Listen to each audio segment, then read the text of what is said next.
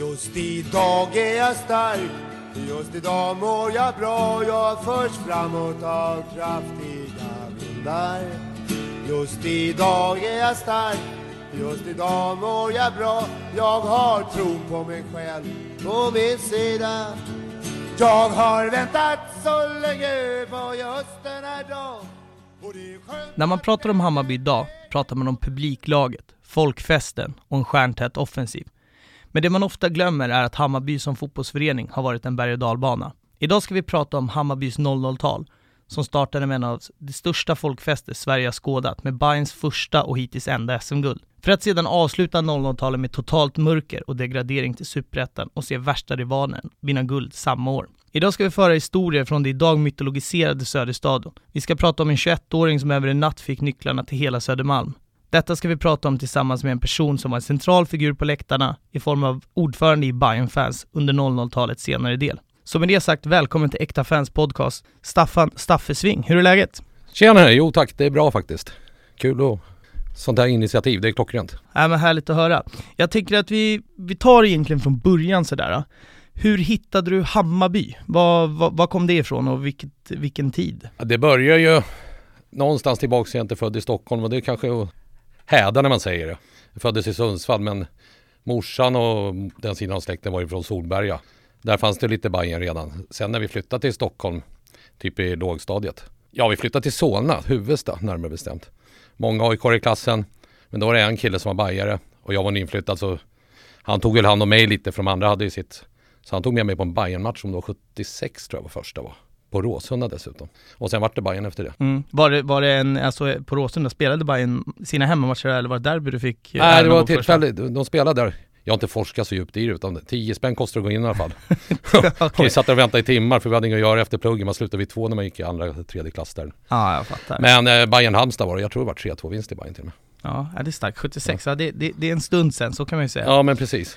Ja, men härligt. Jag tänker att vi, vi ska ju prata om, om Hammarbys eh, 00-tal idag. Ja, och eh, då är det väl inte svårare än så än att vi, vi kickstartar med en, med en, eh, med en udda säsong av, av, av flera anledningar egentligen. Vi ska prata om 2001 till en början.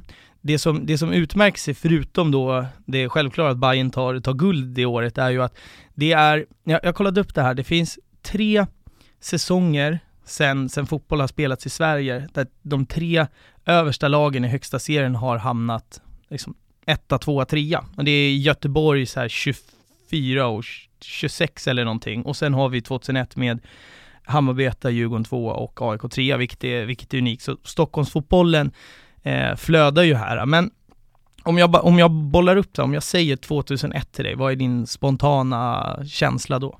Ja det är ju rysningar såklart. För man tänker alltid på sista matchen. Men i början på säsongen. Det, det man tyckte var att vi började få upp ett lag kanske. Det är väl det man hade inte förväntningar att det skulle gå så långt då.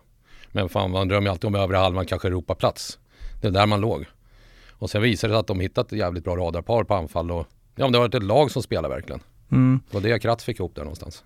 Ja, och alltså inför den här säsongen så var ju, alltså Hammarby var ju inte tippade att vinna, snarare så var de väl tippade att nästan åka det. ur, nej, nej så är det väl, men de var ju nästan tippade att åka ur, det var ju, det var ju sådana sådana tongångar nästan som gick om Hammarby, det var, det var under halvan åtminstone, men när man kollar på highlights från det här året så Dels precis du, du säger, ni, ni hade ju offensiva spelare som var fantastiska, men någon, någon som sticker ut för mig är en keeper. Han gick en demon, Lasse Eriksson. Ja men han var ju, vilken jävla comeback till Bayern. Det var Lasse. hans sista, sista år, hans sista match han spelar i Hammarby är ju, Ja. då lyfter han bucklan som lagkapten. Det är, är det otroligt stort sådär. Jo, han har stor del i det och framförallt hans ledaregenskaper också. mm, styr och ställer med backlinje och ja men lagmoralen tror jag blir jävligt upplyft av när du har en stark ledare i ryggen liksom. Då vågar du gå framåt också. mm. Ja, Jag såg någon match mot, jag tror det var något highlights-paket från så här, om det var bayern häcken på Söderstadion från 2001. Bayern vinner med 3-0. Han gör ju så här typ sju,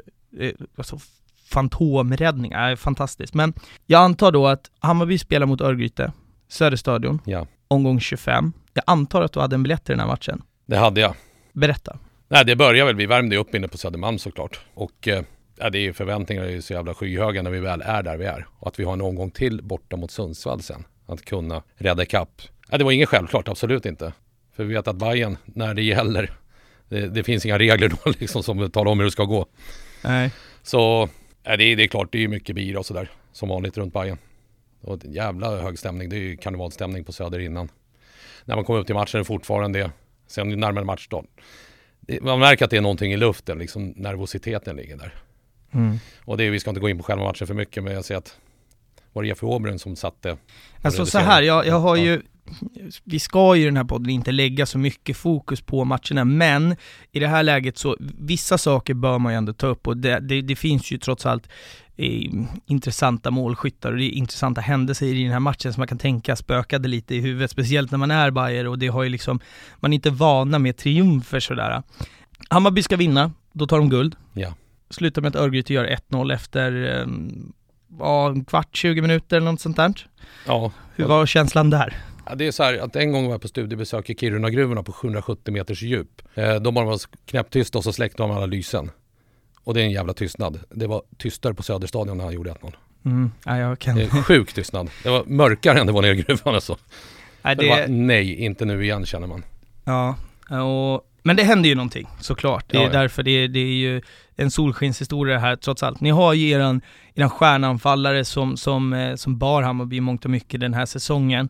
Och ganska signifikativt att det är Hermansson som får göra 1-1 i... Eh, Jajamän. Mm, det har gått en halvtimme nå, någonstans där.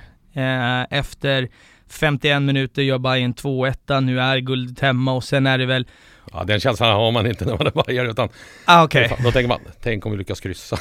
Ah, okay. det är lite så är det tyvärr. Man är för luttrad genom åren. Ja, ah, nej. Men har Bayern, alltså utan att veta historien längre bak, har Bayern, hade Bayern varit sådär nära guld tidigare? Det är väl finalen 82 där då, mot 80. Göteborg. Ja, okej. Okay. Där var det ren final mot... Var det spelat sig bäst av tre då eller? Ja det var... Eller var det en Jag var match? faktiskt inte på någon av de matcherna då. Nej. För det hade jag inga biljetter Men Nej det var ju final på Söderstadion, men var det bäst? Ja, nu det, jag tänker att det kanske är hockey, alltså det är för ja. det bästa Nej, för det var, var en slutspel var det. Ja. Det här borde jag kunna, fan vad dåligt. Ja, så, så, så ja. blir det. Men sen är det ju den här fantastiska spelaren som, som på den här tiden, en ung 21-åring, som idag är, eh, ja men, jag vill säga att han är om, Maradona är gud i, i Napoli så är väl den här herren så nära man kan komma gud på, på Södermalm. Det är en 21-årig Kennedy Bachenziolo jag vet inte om jag har uttalet på efternamnet där, men det, det, får funka som, alltså han gör ett fantastiskt mål, suger in den och den där högerfoten får bara leverera och curlar upp den i krysset. Man har 3 Känner man att Känner man då att sen, nu är vi nog i mål här? Nu har vi chansen känner man.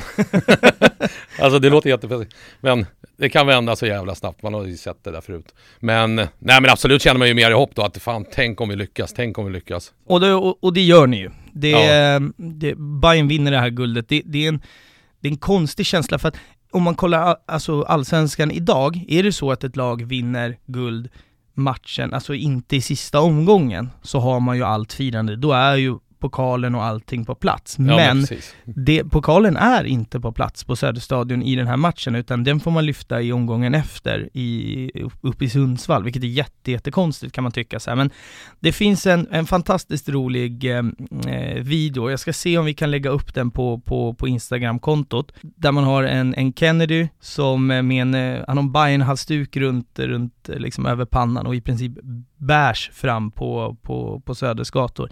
Kan du kan du försöka beskriva, alltså för, för vad jag kan tänka mig, jag var ju, jag var tio år här, men jag, jag, kan gissa på att det, det har nog inte varit en så stor folkfest i Stockholm någonsin. Nej, det är knappast. Man har väl firat något VM-guld i hockey och så nere vid Sergels torg och så har man varit med om. Mm. Men eh, nej, det här var ju helt utan dess like. För det, ja, jag, beskrivning. Vi har inte vunnit något VM-guld med landslag i fotboll, men för övriga kan man säga att det är väl den känslan det här är ju liksom vårat stora hopp och allting. Ja, att Bayern ska ta ett guld och så, så otippat dessutom. Att vi, hade inte liksom byggt upp genom åren. Utan det, ja, man har åkt som ett pendeltåg upp och ner mellan norrättan och superettan och allt vad de har hetat under åren. Men nej, det är, det, ja, det är VM-guld i fotboll för landslaget. Det är väl ungefär en jämförbar känsla kan jag tänka mig. Jag kan, jag kan inte bara gissa att du var ute och tog någon en, två, tre eh, bira på, på Söder den kvällen. Alltså, hur, alltså, min känsla är bara att det, det måste ju ha varit vart du än gick, hela Söder måste ju varit Ja, glammigt. ja. Idag så är ju Södermalm mer, har blivit mer liksom hi- hipsteraktigt, men liksom 01 så var ju inte Söder vad det är idag, 19 år senare, utan det var ju liksom ett bajen tillhåll punkt sådär. Jo, jo, ja, men det var ju karneval precis överallt där man gick. Nu kanske inte ända ner mot Stadsgården där, för där var man inte rörelse. Men Mm. runt Medis och Götgatan och Folkungagatan, det är väl där man rörde sig mest. Och det är ju alltså, det var ju folk bara stod och skrattade och log överallt och det var ju riktig folkfest. Ja, jag kan tänka mig att det, det söps en del. Eh, Nå- några promille passerade nog de där gatorna, det tror jag. Kanske tresiffrigt till och med. Ja, men det, det, är, eh, det, det är ingen dum gissning eh, tror jag. Och, och man, det, det är ju ganska häftigt med, med, med Hammarby sådär att om man kollar Stockholmskollegorna, AIK är ju tydligt förankrade ute i Solna, Djurgården är ju tydligt förankrade i liksom Östermalm och, och, och de bitarna, men eh, det, som, det, som, det som Hammarby har i, i, i Södermalm är ju en, en, det finns ju så otroligt mycket liksom pubbar och, ett, och ett, ett, ett nattliv som också klingar så otroligt liksom väl med Hammarby, vilket är jag skulle säga att det, det hjälper till allt att bygga liksom den här myten om Hammarby och, och, och göra det så stort som det är, att man har det liksom Södermalm och nattlivet. Vad tror du, har jag fel när jag säger så? Men man kan ju se det, ena kan väl ge det andra. Att man förknippar ju bajare med att dricka bira och då behöver du pubbar för det. Mm. Eller tvärtom, har du pubbar så kanske det blir bajar för att du dricker bärs.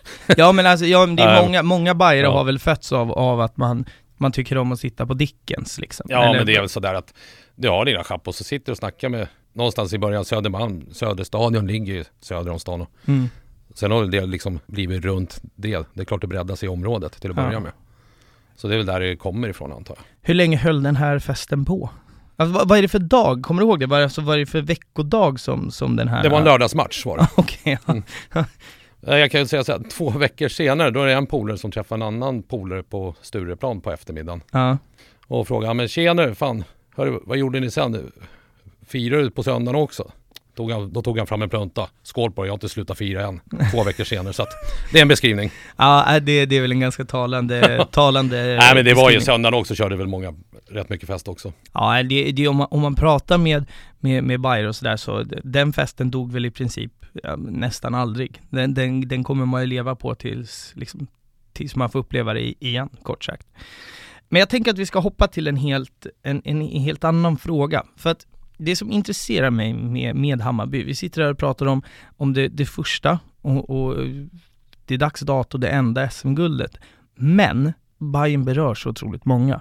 Det är en, alltså en klubb som sportsligt är ganska liten, men kollar man på, det, det är ju okonkret Sveriges största publiklag i dagsläget eh, och otroligt många över hela Sverige hejar på Bayern. Vad är, vad är grejen med Hammarby? Varför drar det så mycket folk? Ja det där är ju svårt att svara på men det kanske är att Jag vet inte, fotboll överhuvudtaget berör ju. Och jag tror ju någonstans som Säg att det var Rosenborg-fans i Norge på 90-talet när de vann allting. Mm. Hela tiden, konstant, konstant. Och sen så torskar du ett år, då tappar du intresse för att du är så van vid att vinna antar jag. Så jag, jag tror att det, det bidrar att vi är upp och ner. Det blir en spänning i det hela. Det är som ett förhållande, det ska inte vara för slätt. Ja. Någonstans. Det, det kan vara en bidragande orsak tror jag. Mm. Nej för att det är ju, alltså det känns ju så här, ju sämre det har gått för Hammarby ju mer folk kommer till matcherna och det, jag skulle säga att det är unikt i det här, äh, alltså i, i, i alla fall i fotbollssverige. För jag menar, kollar man mm, AIK-Djurgården som man har närmast till hands, en säsong när det går väldigt, väldigt dåligt, men då försvinner publiken. Bayern hade ju mest publik i, i Sverige i superettan. Alltså jag får inte ihop den, den matematiken och någonstans så är det ju någonting man gör för jävla bra. För annars så hade man inte varit här liksom. Och nu pratar vi, nu hoppar vi lite från, från 00-talet till, till liksom en, en senare epok, men det är någonting med Hammarby som drar så jäkla mycket folk alltså. Ja, det är svårt att svara på. Man blir delaktig. Jag vet inte, men då, jag känner mig väldigt jävla delaktig i Bayern oavsett hur engagerad jag är för stunden. Att de lyckas få mig att känna mig viktig någonstans. Det är som om en parallell, bara jag jobbar inom restaurang. Och du som gäst ska känna dig delaktig och viktig. Mm. Fast det är jag som bestämmer vad det här får du välja från att äta och det här gör du. Mm. Kanske är det med Bayern också, att de är jävligt proffsiga. Jag tycker vi har fått till mycket bra folk bakom Bayern genom åren, att det har vuxit på hela tiden. Sen, sen, finns det väl en extremt tydlig identitet, det finns ett ID för, för Bayern och Bayerns supportrar. Man har det som vi pratar om, man har en tydlig lokal förankring och sen finns det ett, ett, ett ID som ja, är det är en liksom, kultur liksom, det är så det är. Exakt, den, och den, den är väldigt Träffar man någon och pratar med någon så märker man ganska snabbt att det här är en bajare och det, det, det, många har ju skämtsamt så här, men det är därför eller därför, men men det är någonting med, med det där och det, det, ja, det är som du säger, det är svårt att sätta fingret på men det, det är onekligen intressant liksom. Mm. Nej men det har blivit som en egen liten kultur som när sig själv någonstans tror jag. Ja att, verkligen, verkligen. Ja men det är skitsvårt att sätta fingret på men det, det, är, för det kan jag tänka mig oavsett vilket lag du hejar på så är du alltid välkommen med andra supportrar oavsett om du är målare eller direktör. Mm. Det kvittar liksom för hejar du på ditt lag då då är det en gemenskap. Mm. Men i Maja, jag vet inte, man har fått en jävla bra bredd på det här. Öppna armar och alla är bröder och systrar. Mm. Det är lite så.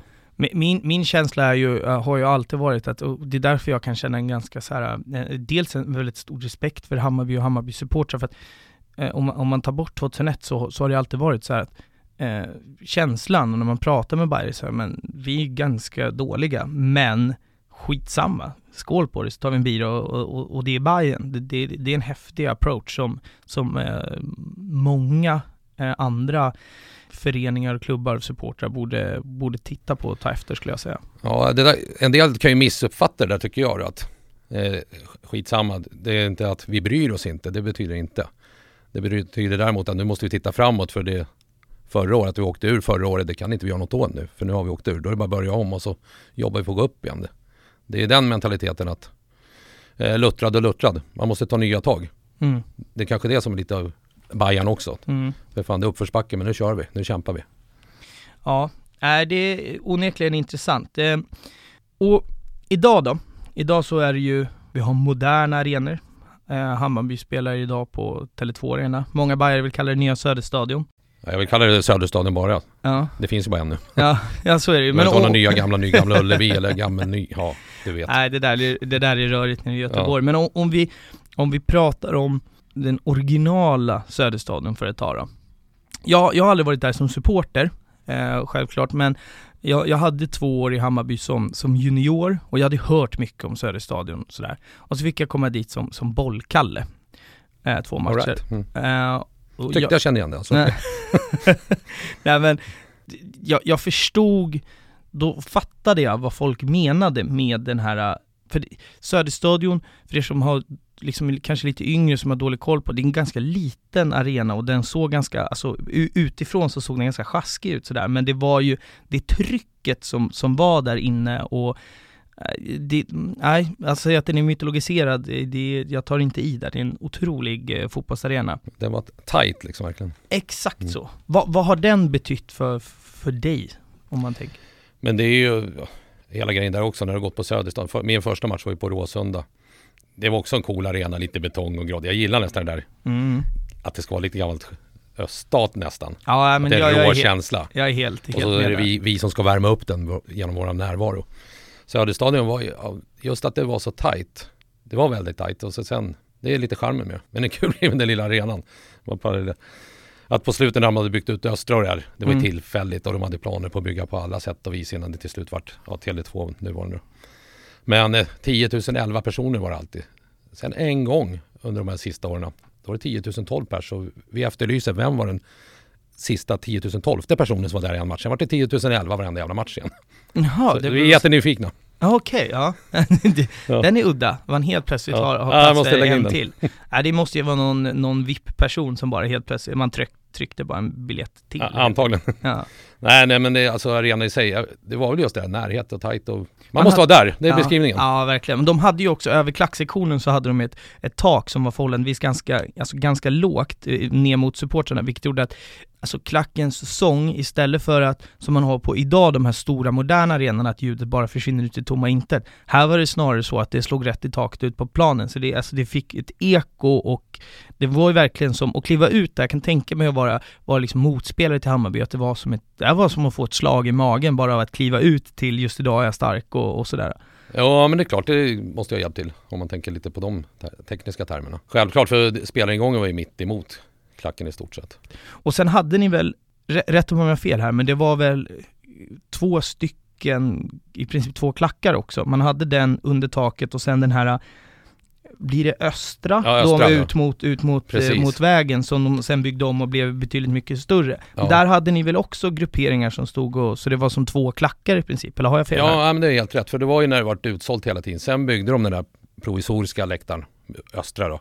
Det ryktas ju om att vara det största svart och fuskbygget någonsin. Eh, vet jag inte om det stämmer, men det var ju, det var ryktena på stan då när det byggdes. Det är skönt att vara i restaurangbranschen så inte jag känner till något om det där. Ja, Ja, ja. Vad heter det? Nej men då var det ju att då var de yngre som startade nya grupperingar och det fanns ju ingen plats. De fick ju inte biljett med oss andra om man säger. Så då ställde de sig där. Jävligt bra initiativ att dra igång det. Sedermera flyttar man väl ihop då.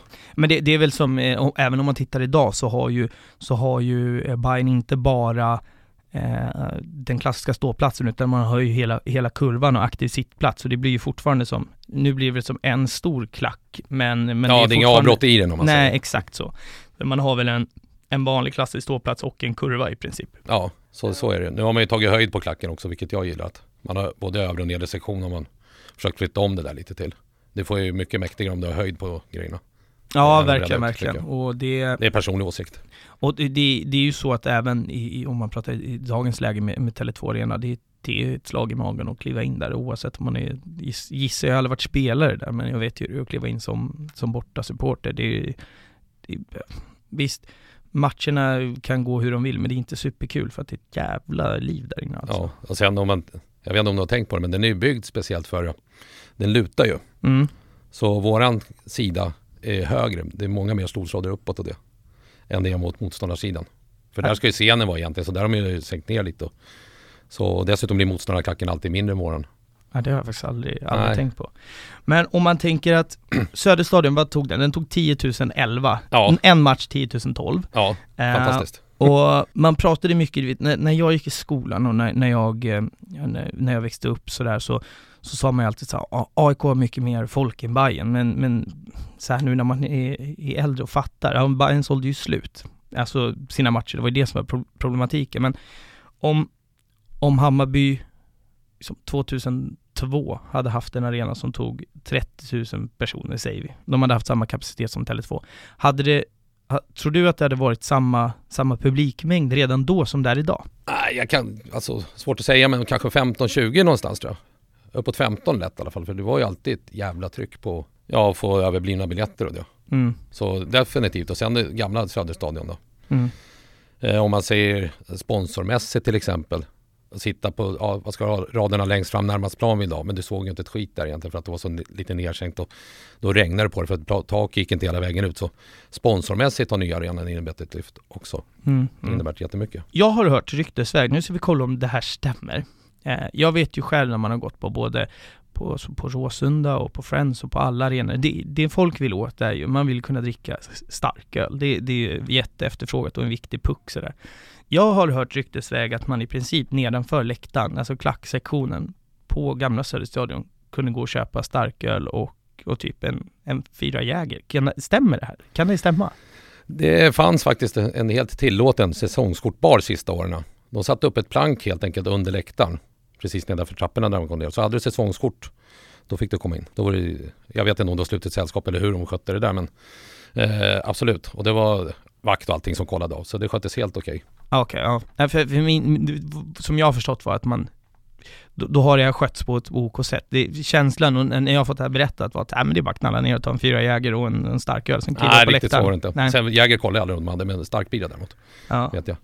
Nej, för där satt vi sista matchen när vi spelade så jävla dåligt. Om man säger sista åren i Superettan, innan flyttade Ja. över till eh, nya då. Ja. Eh, ja men man kunde sitta där. Nej, nu är det dåligt spel igen. Nu går vi ner och tar en bärs. Sen satt man där. Sen hör man ett stort ja uppifrån läktaren. Då var det någon som klättrade upp för det var en liten glipa i planket i Ja. trappen där. Så ska, vem var det? Kennedy hör man. Ja schysst, bra. Sen gick man ner och tog en bira igen. så, fotbollsintresset vissa matcher vet jag inte hur vi ska säga men det beror ju på vilken dag det var så i veckan. Nej, det, det, det, det låter ungefär som mina sista sista försök att, att gå på hockey. Det var, det var ungefär samma princip. Då kollar man första, puben andra. Beroende på hur matchen gick så, så antingen kollar man tredje eller stod man kvar i puben och så gick man hem. Ja men man vill ha lite underhållning ändå. Ja, men, men så är det verkligen. Vi ska hoppa en, till något helt annat. Bayern fans Ja, Du var ordförande, rätta mig om jag fel här, 2005 till 2008? ja det var nog 06 till 09 mer. 06 till Man 09? flyttade fram något år. Ah, Okej, okej. Eh, jag kollade Wikipedia här, då stämmer inte det? Ja men det kanske, det är kanske jag som tänker för långt. Det beror på när, jag har varit invald de åren och sen sitter man ju på ett år. Ja. Så det stämmer nog bra det där egentligen. Hur, berätta om din resa i Bayern Fans. Du, jag antar att du inte kom från tomma intet och blev invald som ordförande. Du lär ju ha suttit mm, vid sidan om innan, eller berätta om Nej den faktiskt, perioden. faktiskt har man bara varit med lite och liksom, man har ju känt dem i styrelsen och det. Ja. Sen jobbade jag och bodde ute i skärgården mycket så man kunde inte tillföra så mycket på distans. Men sen var det väl såklart satt vi på kvarnen någon blöt kväll några, och snackade om det där med vad fan. Då var det två polare som kom på och de tyckte jag skulle bli ordförande och jag bara ja, ja vi får se hur det går då. Ja, Jag lär inte bli vald. Sen vart jag invald. okej. Och en del tyckte, jag vet inte, tyckte de, jag kuppade sin var det någon som tyckte men sen å andra sidan Vadå folk, medlemmarna röstar, får rösta på vem de vill. Så är det Men efter det, ga- styrelsen innan det, det, finns inget otalt där så vad jag kände till i alla fall. Utan vi är polare några oss. och- Men det behövdes kanske en omsvängning för ekonomin var ganska dränerad. Man kanske satsade på fel grejer, jag vet inte. Mm. Resor, souvenir, resorna kostar en hel del. Mm. Så det vi fick göra egentligen var att kliva och jobba mycket inåt. För min ambition var bara att sitta ett år och få in yngre Mm. och slussa in fler yngre. Men det var ett eh, tajt period på det av olika skäl. Så det vart ju Ja, fyra år. Det sista året var jag all, ett alldeles för mycket. För då ville jag hoppa av, men då ville de yngre ha kvar mig. Som någon slags trygghet bakom. För jag öppnade egen krog då. Jag hade inte tid med någonting egentligen. Så det är helt fel att jag skulle sitta det året. Men om de litar på mig och kände sig trygga, då får man Då tar vi det tills ni hittar någon bättre. Ja, det fanns väl många att välja på, men någon som hade tiden att engagera sig också. Men ja, det var annorlunda. Det, var ju, det hände mycket det året. Det var mycket grusgropar som var populära att besöka och för vissa grupperingar. Men eh, något kul när jag lärde känna Black Armys ordförande då. Så- Min kära far, ja. Ja, precis. Vi var med i ett projekt på Fryshuset med en supportermässa som skulle hållas. Sånt där tycker jag var jävligt snyggt. Just det, jag tror att till och med jag var där någon gång. Ja, för då skulle vi ordförande ta med oss en yngre. Och sen vart det fler för att då skulle Fryshuset stå för lokal och material och allting. Mm. Men sådana, sådana initiativ är jävligt kul att jobba med.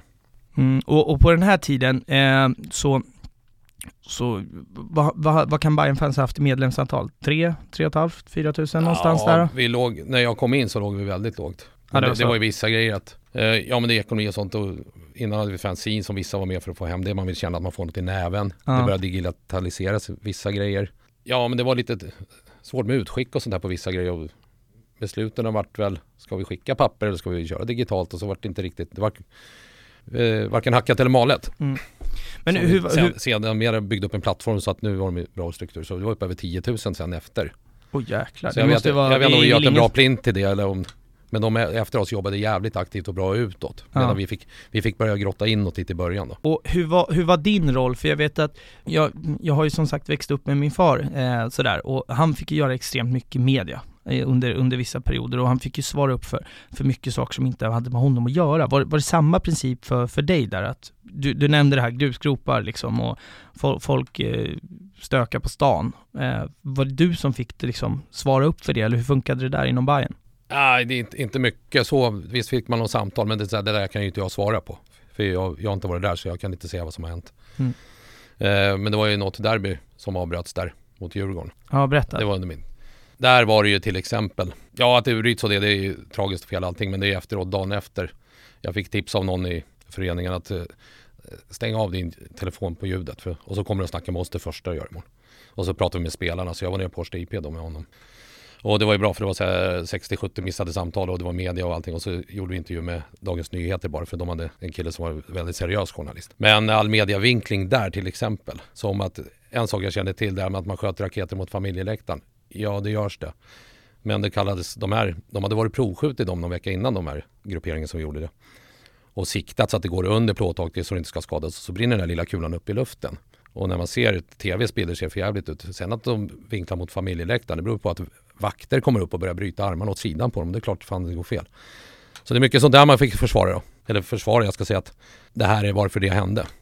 Det, det var ju alltså, min, min känsla i, i, i alla fall idag är ju att nu är det lugnare än någonsin att gå på fotboll, men 00-talet, det, det var stökigt alltså. Alltså runt matcherna, de här Råsunda derbyna, man kom aldrig därifrån och det var liksom överjävligt. Det var, det var, det var överlag stökigt och liksom va, efter varje derby så var det ju medierubriker i att här dör fotbollen och, och, och liknande. Vad, vad är din känsla av liksom den tidsepoken? Hur, hur illa var det liksom? Ja, alltså någonstans, det fanns ju tre parter. Det var inte bara de två lagen, utan vi har en tredje part som kallas ordningsmakten. Mm. Som gärna, beroende på, utan några namn så här, min fru jobbade med en person vars pojkvän var, jobbade extra med matcherna. Mm. Och han sa att det beror helt på vilket befäl man har. Ena säger batong på, stå och klappar på hjälmen med batongen och så kör ni bara.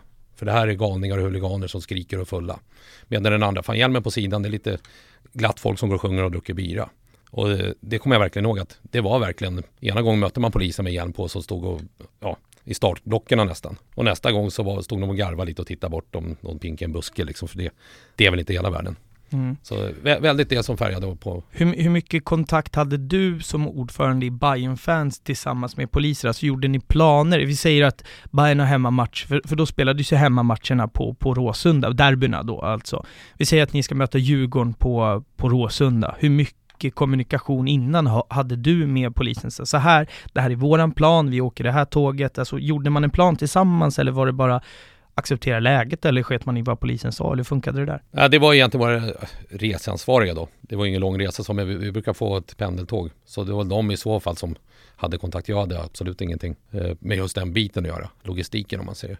Nej, okej, jag fattar. Eller, ja, jag hade ingen kontakten där utan det var vår reseansvarig som sa vi kommer ta det här tåget, samla ihop alla bajare. Och det var det kanske. Mm. Nej, jag vet, jag vet ju under den här tiden, det var ju mycket, alltså just eh, som återigen, de här derbyna på Råsunda var stökigt och det dök upp mycket bilder. Poliserna hade ju, idag har de ju en sån här batong som man, man slår ut, vad kallas det? Ja, fjäderbatong. Fjäderbatong, Mm. och då hade de de här stora vita Eller rackarna. teleskopbatong. Ja, Ja, just de Eh, gamla goda vita. ja, och det finns ju hur mycket bilder som helst, och det här erkänner ju aldrig polisen, men de, när det väl hände någonting så den var ju i något slags gummi, hårt, eller hårdplast eller något sånt där. Och Ja. det de höll i var ju mer i, liksom, i metall eller sådär. Det var ju många bilder eh, och man såg ju det här med egna ögon. Det här erkände ju aldrig polisen, men hur man vände på batongerna så att det skulle göra lite extra ont. Det var ju, det var ju klassisk, klassiska derbyscener ute i, i Solna, 00-talet liksom. Jo, jo. Den har man fått känna. Faktiskt, vi skulle på tunnelbanan så var det en kille som fastnade med foten i dörren. Ja, Den skulle iväg för han skulle trängas in. Då försöker jag bara öppna dörren och så får jag en liten rapp av baksidan där på fingrarna. Det var inget skönt. nej, äh, fy När fan. man ska hjälpa han in bara. Nej. Tack för den. Jag har ett, eh, ett segment i den här podden som jag kallar Rätt eller snett. Det är alltså en, ett påstående eller en fördom, man får kalla det lite vad man vill, eh, som, som kan vara lite dryg, den kan vara, det, det är bara en, en, en känsla som jag har och, och ska vi se om du tycker att jag är rätt eller snett right. på det. Så mitt påstående om, om, om Hammarby osupportrar överlag låter så här. Ger man sig ut i Stockholm en dag och tittar på personerna på samhällets botten så bär i princip samtliga Bajenkläder. Detta är inget man i Bajenled skäms över för det går lite i linje med profilen för en, vad en Bajen-supporter är. Rätt eller snett? Eh, snett. Är det så?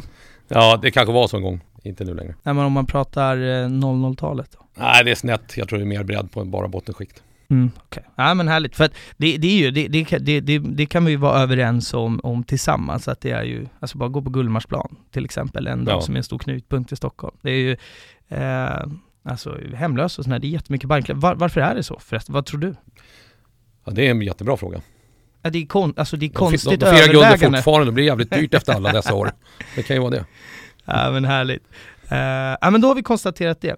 Du, här kommer vi in på egentligen ett, ett, eh, ett, ett segment eller vad man ska säga där, där jag bara, jag passar över bollen till dig. Eh, där du ska få berätta lite sköna, sköna minnen om bortaresa eller bara, bara roliga anekdoter. Det är bara, här får du gå fritt från ditt eget huvud, det är bara att köra. Ja, vad ska man ta då? då? Vi har ju en bortaresa, Europaresa mot Utrecht.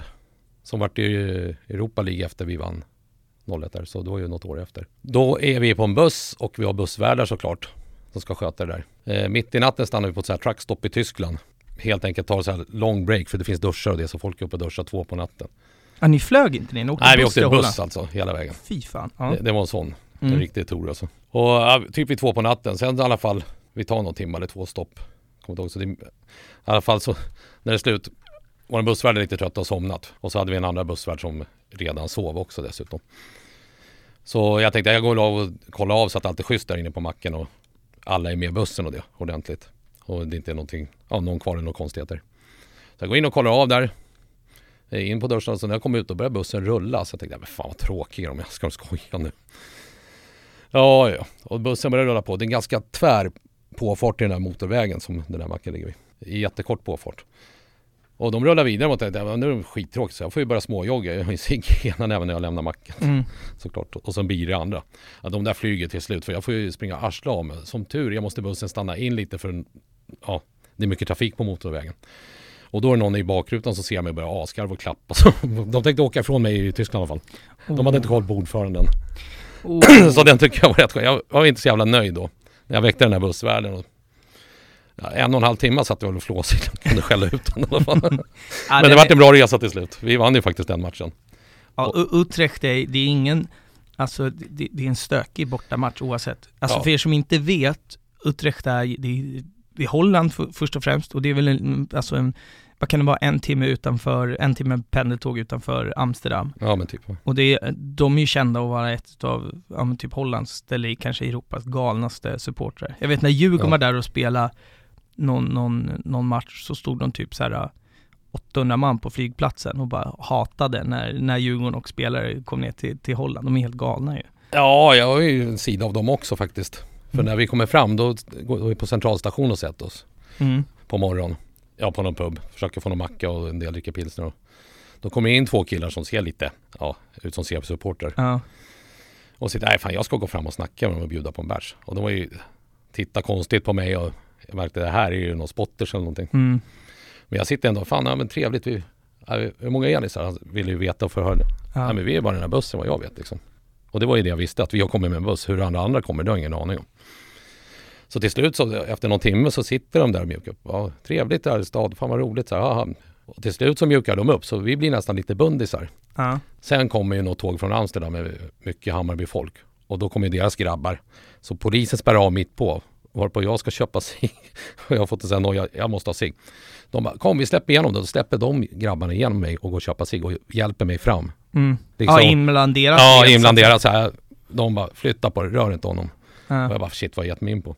Sen går jag tillbaka. Sen är det så här, lite senare då, Hooligans International finns det något på Discovery som heter. Ja. Ja, det var ju ledarna. Så de vallade mig att köpa cigg och lycka till på matchen sa de. Sen kanske mata mig efter det. Ja. Nej, så det fanns en jävligt schysst sida ändå. Mm. Och, och, och Att när man vi pratar, när Var vi lite pratar mot dem så. Ja, ja Det men det då. köper jag. Eh, när, när man, när man, bara så vi tar begreppen och, och reder ut dem, för alla kanske inte har koll, när man pratar C-supportrar.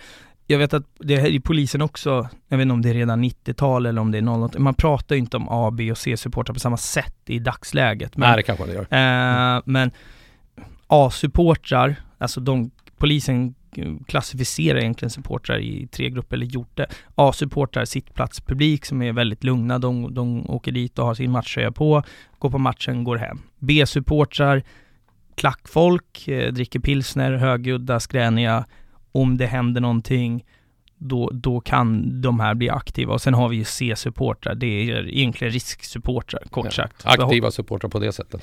Ja, aktiva supportrar Ja. och inte kanske bara i, i klacken Nej, utan efter matcher så, så, så är de aktiva också och vill, vill stöka på stan. Bara så man reder ut eh, eh, begreppen eh, här lite grann. Jag har ju Mm. två stycken händelser som, som jag minns mycket, mycket väl från den här tiden som är ganska roliga. Okej. Dels så har vi det kan nog vara den mest legendariska intervjun någonsin i, alltså, alla kategorier. Sparven. Känner Ja, du honom? ja, för Känner du fan. honom? Klart jag känner honom. Alltså för er som inte vet, alltså beskriv, kan du beskriva den här intervjun? Jag vet inte vilket år det här är, det måste ju vara mitten på 00 någonstans. Ja, det var väl det. Förmodligen innan de byggde säsongskortbaren så man kunde sitta där istället. Ja. Nej men, ja, men Sparven, men, jävligt engagerad och som sagt, den här intervjun, då tappade han humöret lite extra. Men det, det var riktigt, man var frustrerad. Det Det, är det, är liksom, man tyckte att det, här, det gick dåligt och man agerade inte och det hände inget. Det var knappt man bytte ut spelarna när de eh, knappt lufsade runt på plan. Det var så man känslan man hade att vad fan, byt inte in någon 89 du kanske ska byta in någon 75 Ja men så små detaljer som till slut blir vägarna in över tror jag. Mm. Men, det här är återigen en, en grej som, eh, som vi ska försöka lägga upp på, på Instagram. Och det finns, hela intervjun kan man kolla på Youtube, det är bara att söka på Sparven. Ja. Så är det första. Det, den är så rolig den här intervjun så jag vet inte vad jag ska man ta kan vägen söka på avgå också antagligen. Ja. för att förklara det kort så Bayern har väl, jag antar att de har torskat en match, eh, tränaren ska gå ut bakvägen och, och då är det någon, någon klok, jag vet inte om det är journalist eller vad det är, som har kameran uppe när sparven går lös på tränaren och skriker avgå allt i princip Mm. och, och, och helt vansinnig och sen intervjuar de honom efteråt, så att det här beteendet är väl kanske inte typ, det är John Holmström som intervjuar honom också som brukar sitta i 08 eller Ja det var det va? Ja, mm. Ja. Och alltså det, det här beteendet är väl inte 10 poäng kanske och han är ju Nej men det, frustrationen ligger kvar fram till intervjun kan jag säga efter han skriker av. Men nej, som sagt till vardags, han är jävligt skötsam och jobbar man kan få en bild av att han är en galning men han var lite frustrerad just då. Nej, de skänkt dem till Bajen och Bandy. Avgå! Lätt att vinna UB B på Trelleborg, din jävla sopa! Smekmånaden är över! Avgå! Prestera! Eh, Bayern förlorar mot Elfsborg med 1-0. Du verkar väldigt upprörd på Tony framförallt. Katastrof. Det är fullständig katastrof. Det går att vinna mot bottengäng. Då funkar det. Men när man möter någon av lite högre klass, som till exempel Gävle, då funkar ingenting längre. Det Sen har jag en annan händelse. Det här är då om du då eh, sitter som ordförande även 2009 så blir det här superintressant. Det händer en grej i eh, höst 2009 som gör att eh, eh, bussbolagen inte vill köra Bayern ännu mer. Eh, vet, du, vet du vart jag är på väg här nu? Ja det är inte bensinpriserna som gick upp eller dieseln. Nej? Men Nej. som sagt 2009, jag var bara i bakgrunden så jag var faktiskt inte med på den resan. Nej. Nej. Men, men be- berätta, vad, vad är det som händer? på Ja, den det, det jag får höra är det att någon har skitit på sätet helt enkelt. Jag kommer inte ihåg om det varit inlåst i bussen eller någonting för där hade jag börjat släppa allting. Och det var inte jag som släppte Nej. Men nej, och jag, jag vet inte hur det gick till och vad som hur kunde få, för de där turistbussarna har ju även toaletter. Ja, det är Så det jag- som är det mest udda, udda med, med Men- det hela. Men jag är inte helt säker på om jag minns hela storyn nu. Det är några år sedan. Men jag för mig att han varit inlåst i bussen vid någon rast eller om det var med matchen. Och hade suttit och sovit och vaknat till och så kanske muggen var full eller låst eller något. Jag- vet inte, men det var inte bra i alla fall. Nej, nej alltså det, det, det är ju en, det är en otrolig artikel som kommer ut på Sportbladet. Så här, när man sitter hemma, alltså för 2009 också, vi kommer komma dit lite senare, men det som är på gång att hända är att AIK går som tåget, Bayern ligger i princip, alltså jättebottenträsk och är på väg att åka ut, vilket man eh, senare gör. Och stödet från supportrarna här är ju liksom A och O för att klara sig kvar. Men bussbolagen säger vi tänker inte köra Bajen mer för att det dyker upp att någon har liksom bajsat på ett säte. Det är helt otroligt. Alltså det är helt otroligt. Ja, jag fattar inte heller. Riktig skitsäsong kan man säga. Bajen skiter i tabellen typ. Så. Ja, men alltså det är ju... Det är liksom... Ja, vad ska man säga? Det, det gick dåligt nog ändå innan. Så vi behövde inte det där heller. Nej, så, så är det ju verkligen. Men eh, det, det man kan vara övertygad om att det, det är en, någonstans en olyckshändelse. Det är ingen som tänker nu ska jag skita på säte bara för att. Nej, Det, kan, det, det går ju inte bara. nej, nej och det, det har inte hänt igen. Det är inte så att det här var liksom en standard bortaresegrej. Mycket Nej, skit händer på bortaresor, Ja. men... Vem tar premiärskiten i år då? Eller hur? Eh, ja, men verkligen. ja, sanslöst. Vi har varit inne lite på det. Innan Tele2 Arena byggs så var ju den derbyarenan i Stockholm var ju Råsunda, AIKs hemmaplan. Ja. Eh, min, min känsla, nu får du rätta mig här om jag har fel, men åtminstone på borta derbyna som Bayern spelade så hade man på den här tiden väldigt svårt att, att sälja slut sina klackplåtar. Alltså, det, som jag, vad jag har hört så var det att folk inte ville åka ut och, och till Solna och kolla matcher. Har jag fel här? Eh? Om jag har rätt, vad var anledningen till? För det var alltid liksom platser över på Bayerns klacksektion. Ja men en anledning det är väl först folk är bekväma. Nu är en ursäkt att slippa åka kanske. Jag vet inte. Men det är väl mycket Ja av de här turisterna om man ska säga. Tu- Turistbajarna skippar ju det för då kanske de Först kanske de har hört att det är jätteläskigt att åka dit för det är stökigt och så. Men även om det inte var det en anledning som jag tycker Som kanske skulle ha fått mig att fundera över fast det är klart man åker. Men det är att eh, klacken vart inte samma samlade sätt. Det vart lite blandat där så vi fick aldrig till riktigt det där bra trycket som vi brukar ha. Det var sällsynt. För ofta så vart det för ja, kuperat på något vis. Mm. Så vi fick inte det där flyt i sångerna som vi brukar ha det och hade inte rätt teknik för att använda den läktaren egentligen. Nej, och det här byggde ju på lite bilden av, alltså om, om man tittar Hammarby idag, otroliga publiklaget, så, så på den här tiden så man var ju eh, man, man spelade ju på Söderstadion med 10 000, 11 personer som var max. Och sen när man väl skulle till Solna, för att Bajarna i sig hade ju en självbild av att så här, men vi, vi, vi är otroligt stora, vi är röststarka, men när det väl blev derby så fick man sällan till det här.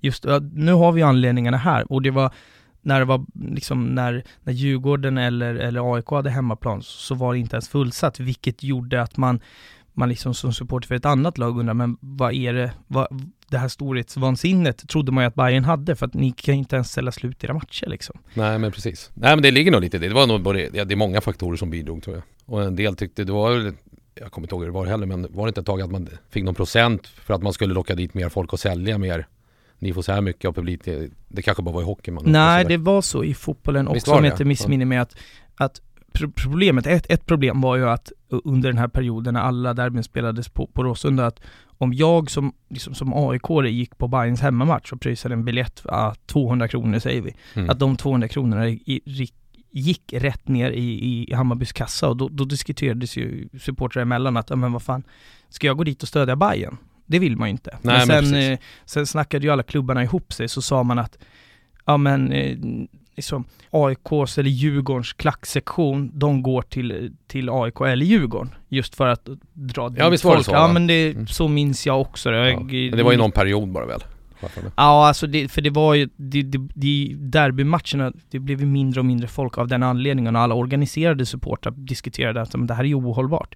Jag vill inte, om vi är om Bayern kommer dit och, och Djurgården har hemmamatch och, och, och de drar dit, ja men fan vet jag, 8000 man då är det 8000 a 200 spänn rätt ner i Djurgårdens kassa. Det är ganska duktigt med pengar. Ja, för de diskussionerna har man ju haft också. Ska vi gynna dem eller ska vi stötta vårt lag? Mm, exakt. Vart ligger vågskålen där liksom? Och, och det, det, hittade man ju en lösning på och då, då drogs det ju mer folk. Men, men som sagt, eh, anledningen till att jag vill ta upp det här är att idag så är ju Hammarby eh, otroligt starka liksom på, på, på läktare och sådär. Men, men under den här perioden, så man, man, får liksom inte glömma att det var inte samma överjävliga tryck på derbymatcherna. Hemmamatcherna var man ju lite låsta och sådär. Och jag vet bara en sån sak som tifon. Mm. Idag så är Hammarby ruskigt duktiga på tifon. Alltså om det är någonting som allsvenskan i fotboll har som är världsklass så är det ju våra läktarprestationer, våra tifo-prestationer. Men mitten 00-tal, Alltså, det var folk som kämpade med tifona, men det var mm. sällan man fick till ett riktigt bra tifo. Alltså man låg efter där, i, åtminstone i Stockholm. Ja, men så kan det nog vara. Det, det var både högt och lågt, men engagemanget också där. Det handlar om att engagera, engagera folk att komma och bidra så att det inte är samma åtta gubbar som målar flaggor dygnet runt eller någonting. Mm. Utan det, jag tror att det har blivit ett större intresse för tifon. Ju bättre det blir, ju mer drar det till det som är konstnärligt lagda och engagerade och det. För det, det, kräver ett jävla jobb och tid det där.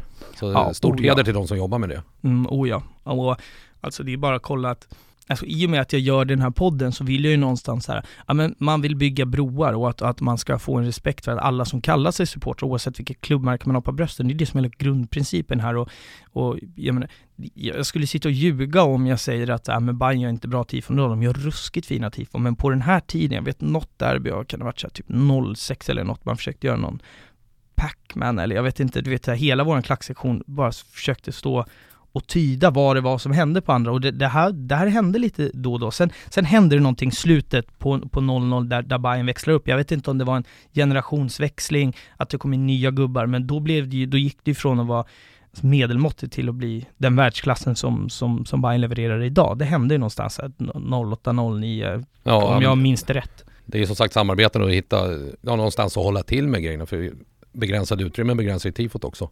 Det är många bäckar små tror jag där också. Ja, så jag verkligen. tror aldrig att det finns ett, ett stort svar utan det är en helhet. Mm, ja, men verkligen.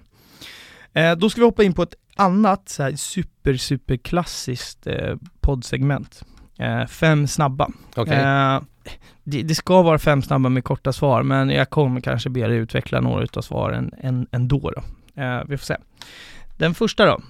No Peter No Party eller bengaler out? Eh, bengaler. Out. Bengaler. Är det en stämningshöjare? Eller stör man sig? Ja. Definitivt. Men kanske, jag vet inte, man kanske skulle kunna ha det under ordnade former på något vis. Att ha en bengalzon, här får det bränna. Mm. Hade, ni några lösning. hade ni några diskussioner om det? Alltså, jag tänker när du var ordförande i Bayern fans för det brändes bengaler redan då. Diskuterade, hade, var du med i några diskussioner med alltså, polisen om, om det eller försökte Ja, det var mer med klubben och sen klubben mot polisen. Ja. Förde diskussioner på SCFs möten och sånt där. Ja. För det vet jag, där var vi ju Göran Rickmer bland annat som är fantastisk som jobbar för supporterkulturen. Oh ja, det är få förunnat att ha en, vad, vad, har han för roll? Han är, är han säkerhetsansvarig? Ja, jag tycker han är Göran Rickmer i Hammarby. Vad sa du? Han är så jävla mycket Hammarby. Ja, även, även, dels eventansvarig är väl titeln. Ja, Han var ju säkerhetsansvarig för länge sedan. Ja. Han gör ju, man, man ser bara om man, eh, för alla som brinner för supporterkultur så tycker jag att in och följ honom på Twitter för att han, eh, han säger mycket, mycket bra saker och han, han det är ju väldigt Bayern. han, han struntar ju lite i, han är inte så PK i sina uttalanden. Han Nej, säger nej, i princip så här, alla är dumma i huvudet, det kan Ja. han säga om han tycker det. Men han har ju oftast belägg för det också. Ja, ja verkligen, verkligen. Så att det är inga tomma, Om inte tomma alltid. grejer. Mm. Nej, eh, fantastiskt. Mm. Eh, nästa då, Djurgården eller AIK? Vilka, vilka är det som lyssnar? Nej, Nej någonstans har jag, jag bodde i Solna ett tag så det, det är närmare för mig åt AIK-hållet då. För att, alltså är det bara Nej. av den anledningen att du har bott där Jag eller? bodde så, sen spelade jag hockeyskola där, i tvåan eller någonting, trean. Ja. Nej men det, jag tror jag umgås mest med AIK-folk också, om man ser vid sidan av. Men ta av sig matchtröjan så finns vi, då är väl alla lika någonstans men någonstans har det blivit så. Mm. Ja, intressant. Om du får välja en spelare i Hammarby fotbolls historia som inte är Kennedy, vem håller du högst? Modern tid, Modern tid då? jag säger Djurdjic. Djurdjic? Ja. Du gör det? Det är kontroversiellt skulle jag säga. Ja men alltså det finns jättemånga och det är där också hårfin linje men just det han tillförde när han kom. Kanske spelar fult ibland men den där jävla kämpaviljan att han löper på allting och går på allt. Ja men lite som Håkan Mild var i Göteborg. En spelare du hatar att möta men som du älskar i ditt lag. Mm. Eh, pådrivare någonstans. Han, han lyft, lyfte hela nivån. Att, sa det, när han kom så tänkte jag det här kommer vara den viktigaste spelaren framöver för oss. Och jag vet inte om det är därför vi ser lite slakare ut i år för att han har dragit. Mm. Nu är det ett helt lag som ska göra det här definitivt har vi bra killar. Men det känns som motivationen inte är på topp. Det har ju med corona och sånt att göra kanske. Mm. Men hade han varit på plan vet jag att det hade, det hade smält på och sprungits lite mer tror jag. Mm. Ja, verkligen. Eh, den här tror jag, jag tror att jag kan gissa eh, svaret på den här frågan redan innan, men jag ställer den. Om du fick återuppleva en match igen, vilket hade det varit? Vilken match? Ja det är klart det är guldmatchen. Eh, det, det, det var det jag gissade på, jag insåg det när jag Men- ställde frågan. Om, om vi tar bort den då, för den är ganska uppenbar. Matcher när vi har gått upp igen. Från eh, Superettan och Norrettan till och med. Mm. De matcherna är fan som ett guld det också någonstans. Du Ja. har vunnit serie, du lyckas äntligen få vara med och klättra uppåt. Mm. Så det är, ja, det är jämförbart med guldet i stort sett. Guldet är lite, lite vassare såklart. Mm. Men där har vi, ja när vi gick upp 98, ja, 97, 98 där till exempel. Och nu senast med Nanne och det. Och om vi vänder på det då, vilken match som du missat genom åren skulle du gå på om du fick chansen? Om du har en tidsmaskin, du får gå på den här matchen missade jag, jag skulle på. Karlstad-matchen 6-0 där när vi gick upp. Var det 89? Och då är inte jag född, så att du, you tell me. Nej men Vasalund höll väl på att gå upp så det var ju, det finns klipp på Youtube och så att titta. Ja, Och det var något så här resultatavgörande. Bayern måste ju vinna med 6-0 för att gå upp. okej. Och så gör de mål på övertid, 6-0 målet. För Vasalund kvitterade, vad fan det var, åkte ur sen. Eller de fick stanna kvar och Bayern gick upp. Mm. Undret i Karlstad kallas det. Undret i Och, och Karlstad, den, ja, men det har den jag var hört. inte jag på. Ja, okej. Men det var inte så här 2-0 man skulle vinna utan 6-0 om man lyckas. Ja, det är ju helt, Helt otroligt. Ja. Eh, nej men snyggt. Jag, jag tänker nu när vi ändå undret, undret i, i Karlstad. Eh, en fråga som bara bollar upp nu. Med en kvart kvar av varje match så ekar ju öka takten sista kvarten Tidaholm på Ja. alla Bayern-matcher. Var kommer det ifrån? Och det är så många olika, det, därför är det ju, beror på vem du frågar får ett svar. Så jag tror inte det finns någon riktig lösning på Men om det. jag frågar dig då? Ja, det jag hörde, den första storyn jag hörde i alla fall, Mm. som satte sig för mig då genom åren. Det var att det fanns någon spelare från Tidaholm som var inhoppare och hoppade in sista kvarten. Och så gick han in och baljade eller satte fart på spelet. Okej. Så det är väl den varianten jag, den första jag hörde. Sen har jag ju läst och sett olika varianter. Så vad som riktigt vet ingen riktigt. Så mystiken ska ligga kvar där tror jag. Ja, nej men det, det är väl lite, lite, det är väl jättehäftigt Ja. speciellt Men med- för mig blir det en rolig historia med att vi har en inhoppare som går in så att de får en egen ramsa. Ja, det är starkt. Och han, man sjunger inte ens hans namn utan han får Nej. bara heta Tidaholm. Det är ju lite en grej med är så- Hammarby överlag att man har man är väldigt snabba på att hitta smeknamn på sina, sina gubbar alltså. Vad, Ja, det är Söderkis-grejen antar jag. ja, alltså det måste ju vara det. Det är alltså Kakan och Janne och alla möjliga. Ja, alltså, ja precis. Spiken och skruven och sparven. Ja, Sparven. ja. Men sen, vi, vi började ju den här, äh, det här avsnittet i, i liksom mycket glädje. Det är superpositiva vibbar. Vi har eh, ett SM-guld 2001 och sen har vi några eh, några år där, där Bayern är med. De är väl lite mittenklubb under, under 00-talet. Man är ju aldrig uppe på den Nej, Som det är, det är igen. väldigt så. upp och ner. Jag vet, jag vet bara en händelse, det här, är- det här är ganska roligt.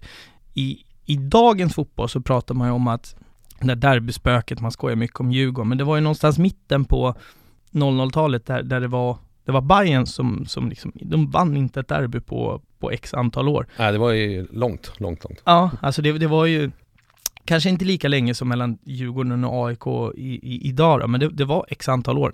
Matchen som den här bröts kommer jag aldrig glömma för att det, det är ju kanske den århundradets värsta jinx. Hela tifot som, som AIK-klacken då har eh, riktar in sig på, på Råsunda-spöket. Man har hängt upp ett spöke nedanför den övre läktaren Ja, på det. Råsunda. Och man var så kaxiga och uppkäftiga inför det här derbyt. Och var så här, vi kan inte förlora mot Hammarby. Och sen kommer Hammarby ut och rullar ut AIK efter noter och vinner med 2-0 eller något sådär. Bara spelade ut och dödade det där derbyspöket. Så det är, det är väl kanske 00-talets största jinx i fotbollen om inte annat skulle jag säga. Ja, nej, det finns ju klyschor som sagt. Ja, verkligen. Ju oftare du förlorar, ju närmare kommer en vinst. För någon gång måste du vinna. Ja, Men jag tycker ändå det är märkligt det där med Ja men som vi har haft svårt för Elfsborg på bortaplan. Vad fan var det? Vi har inte vunnit Början på 2000-talet var sist vi vann där borta mot Elfsborg tror jag. Ja. Men eh, vad fan det är helt ny ledning, det är helt nya spelare, det är Mm. helt nya förutsättningar. Så varför finns det där? Det är skitkonstigt. det, det, det, och det är därför jag tror just uttrycket spöke lever kvar. För Ja, det finns ju inga andra logiska förklaringar. Någon Alltså, talar om inte, för sitter dig inte så att det sitter väggarna liksom. liksom att här kan inte vi vinna. Så glöm inställningen Bayern, ni andra kan fortsätta ha den. Men vi ska ta det också, 2009. Eh, om jag bara, återigen, jag passar över bollen till dig. Vad, vad, är, vad är din känsla när jag säger 2009? Ja, känslan var ju, man snackar, fan nu ska vi bara ner och vända och så upp i direkten. Min känsla var att nej, jag tror inte vi kommer att bara vända. Vi kommer att få göra något för superettan är svårare än man tror. Just, Mm. den är jävligt ojämn serie. Men om, om vi, Men nu, nu topplagen går, är, det är konkurrens som fan bland topp tre och försöka komma med där. Ja, men om man tänker, nu, nu går ju lite händelserna i förväg med att Ja. ni redan har Ja, ni ja. åker ju ut det året, men om, om, man, om man hoppar tillbaka innan ni åker ut, hur var, för Bayern, Bayern går ju otroligt dåligt det här året. Alltså man torskar ju allt i Ja, ja. princip. Alltså hur, hur var stämningen och hur pratades det i Bayernled? Förstod man tidigt att nu är det kört eller hur, hur var det liksom? Ja men det börjar ju pratas avgå som vanligt då. Mm. Men, eh, nej, men någonstans man ser att vi har ingen spel och ingen motivation. Så då undrar man, är det tränaren eller det är ändå spelarna som ska göra jobbet. Så själv tror inte jag att tränarbyte är första lösningen så därför ska man hålla i lite men till slut måste man ju agera. Mm. Men, men det där håglösa, jag vet inte varför man inte blir inspirerad när man kommer in inför en publik. Eh, stor eller liten, spelar ingen roll. Det, de betalar din lön. Verkligen. Så att någonstans tycker jag, vad fan. Eh, torska med 6-0 men har gjort ditt bästa. Istället för att stå och hänga och passa sidled och tycka att det är jobbigt att springa. Det är en jätteskillnad. Jag kan falla med flaggan i topp, absolut. Mm. Men det året då var man, ja bitter. Mm. Det, det var bittert som fan för man, man såg bara, det glimrade till ibland lite att, men det var inte mycket till Geist om man säger. Nej, och min känsla speciellt under 00-talet, precis som du är inne på här att eh, det, det ropades på avgå, det, det gör väl fo- fotbollssupportrar, eller supportrar överlag, det är, jag skulle säga att det är de mest lättkränkta personerna Ja, i, det i, det här, i det här landet, alltså sådär. Men Bayern har, det har varit väldigt mycket och väldigt snabba på att avgå och, och liksom sådär och man har skojat lite om att så här, styrelsemässigt i, i Hammarby och liksom ledningen sådär under många år, det, det har varit det har inte varit liksom allsvensk klass många gånger på hur, hur klubben har, alltså beslut som klubben har tagit. Håller du med mig om det? Ja, man ser någonstans att det, vi, det man pratar med supporterled är oftast att man måste ha Bajenhjärta om man ska sitta i styrelsen. Mm. Och det här, det här är väl min syn på det hela. Men någonstans måste du kanske av sju pers kanske fyra ska vara proffs och tre har Bajenhjärta. Och det, en av dem kanske ska ha en del hjärta också såklart. Mm. Men eh, du kan inte bara jobba med hjärtat utan ibland måste du ha någon som är proffs på vissa bitar. Så att man får en bra mix av det. Ja. Och det är väl kanske dit vi har nått nu. Nu har vi i stort sett alla Bajenhjärta såklart som jobbar i styrelsen tror jag. Men, De är proffs också. ja men att du har fått det komma upp. Det har liksom levlat upp. Mm. Det finns de som har gjort ett jättejobb och skitbra i styrelser innan. Men de kanske har varit lite för ensamma. Att det är bara ett fåtal då medan vissa andra Ja men det är som jag tycker när i Bayern fans Man märker att vissa vill sitta i en styrelse, andra vill jobba i en styrelse. Mm. Och det är en väsentlig skillnad tycker jag. Ja, och ja. Och det är, väl, det är väl lite det som har varit, och det är väl där kritiken har kommit un, under, under åren. Idag, idag så styrs det ju bra, men det har varit lite svåg i politik liksom på ledningsposter i, i, i Hammarby fotboll där varit så här, men Ja, lite fan, enkla har gått- lösningar. Ja men Alltså. han har gått på Bayern länge, låt han sitta och göra det här. Och sen problemet blir ju att de kanske inte hade kompetensen för det alltid, för att styra en, en fotbollsklubb som, som berör så många. Nej, de gjorde säkert sitt bästa och kanske inga stora fel men det var ingen utveckling heller. Det är väl så vi ja, supportar en del av oss ser på Så det är väl ingen som gjort ett kanske dåligt jobb men vi kanske skulle ha behövt bättre kompetens. Exakt, exakt.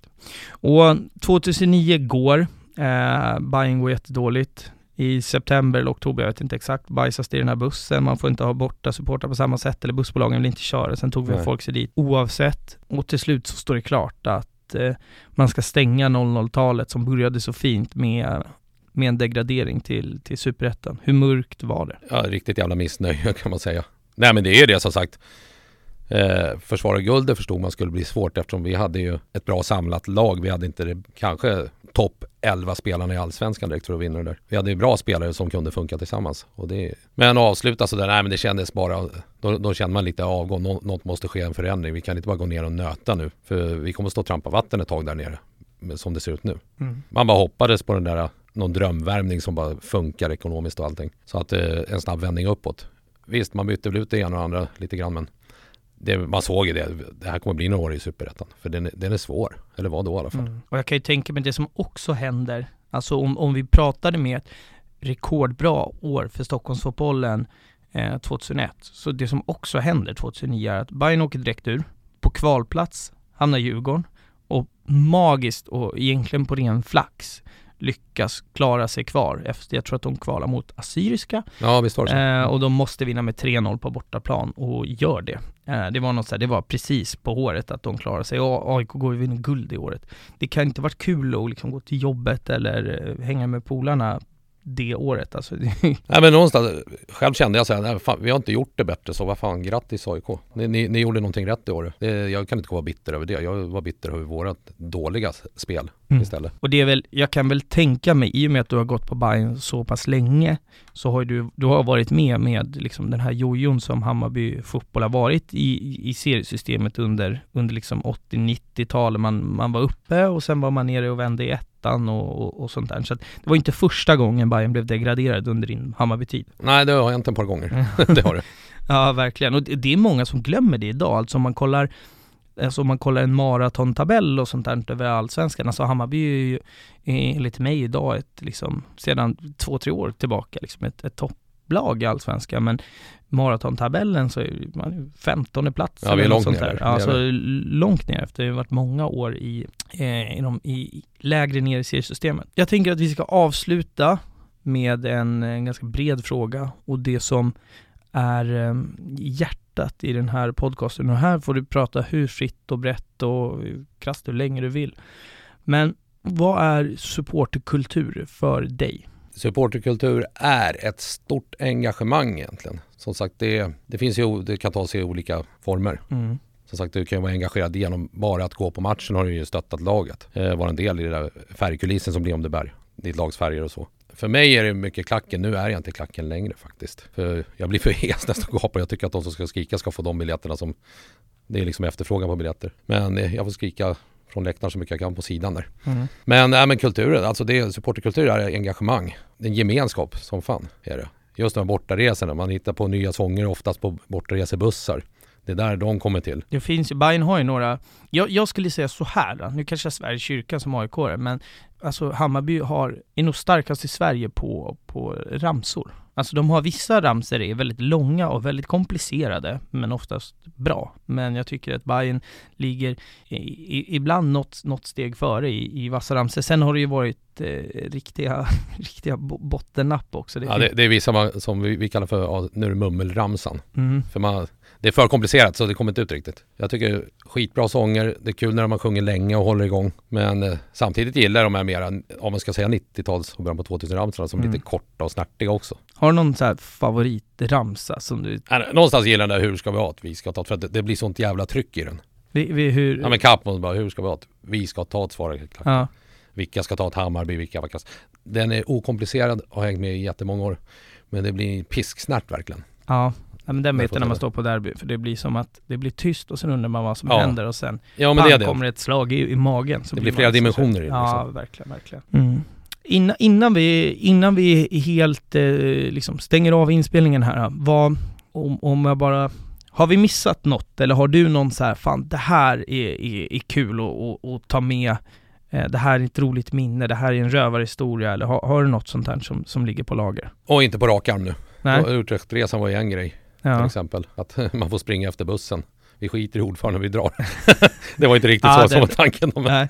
Nej, den är stark. nej, det sköna var ju också när vi var där. Det var, jag ska säga, det var inte alla Bayern som förstod att vi hade vunnit den där Inter Toto Cup, Europa League, så för men inte Just det, berätta om det här. Vad var inte, alltså, det. Det var en form av Europaliga. För de som hamnade, jag kommer inte ihåg om det skulle vara tre eller fyra i serien. mm, Men nej, det, det var ju som en cup, eh, Europacup, Europaliga. Mm. Och eh, ja, någonstans så spelade vi oss vidare och vann någon match hit och dit. Rätt var det så hade vi vunnit vår.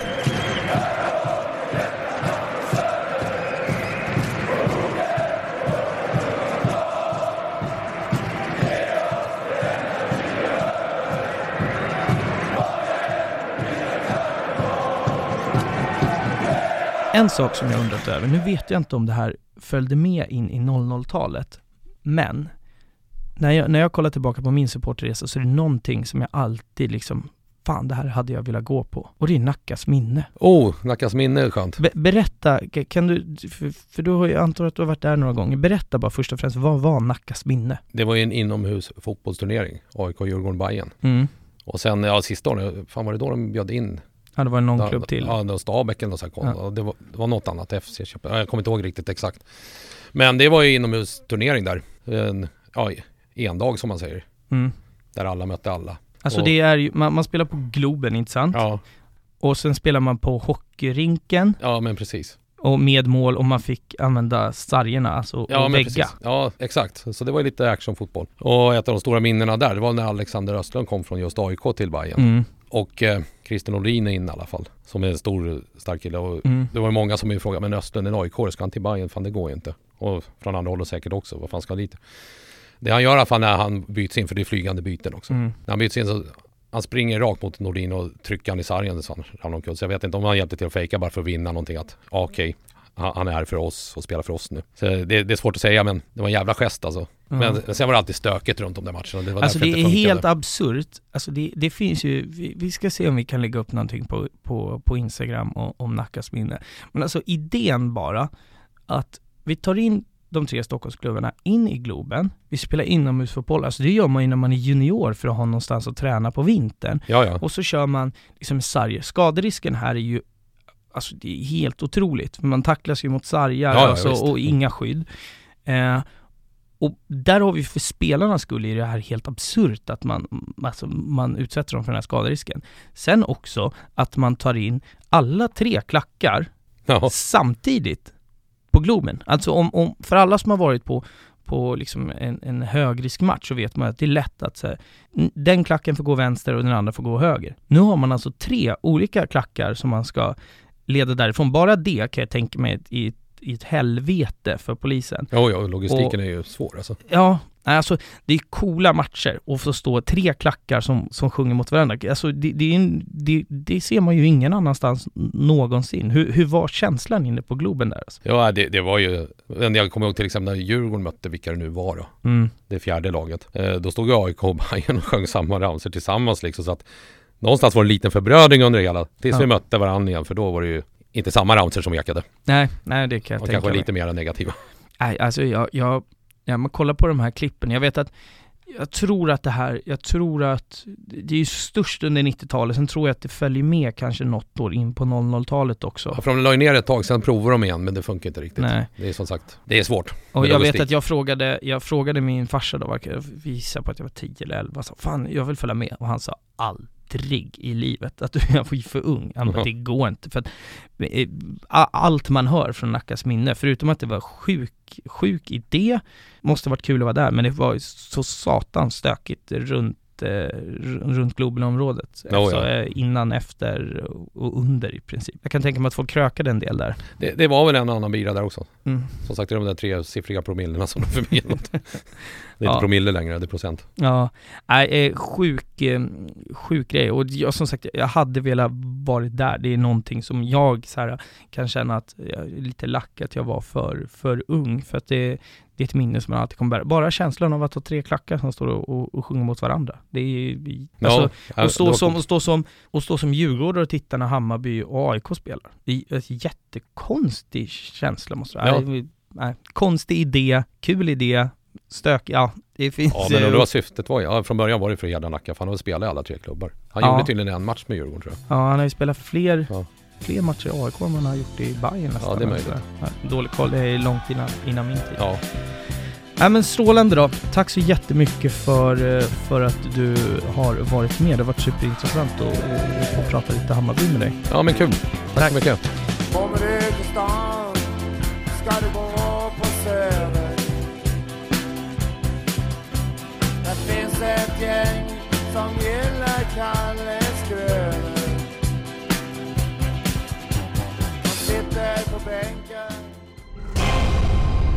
samarbete med Esen Studio.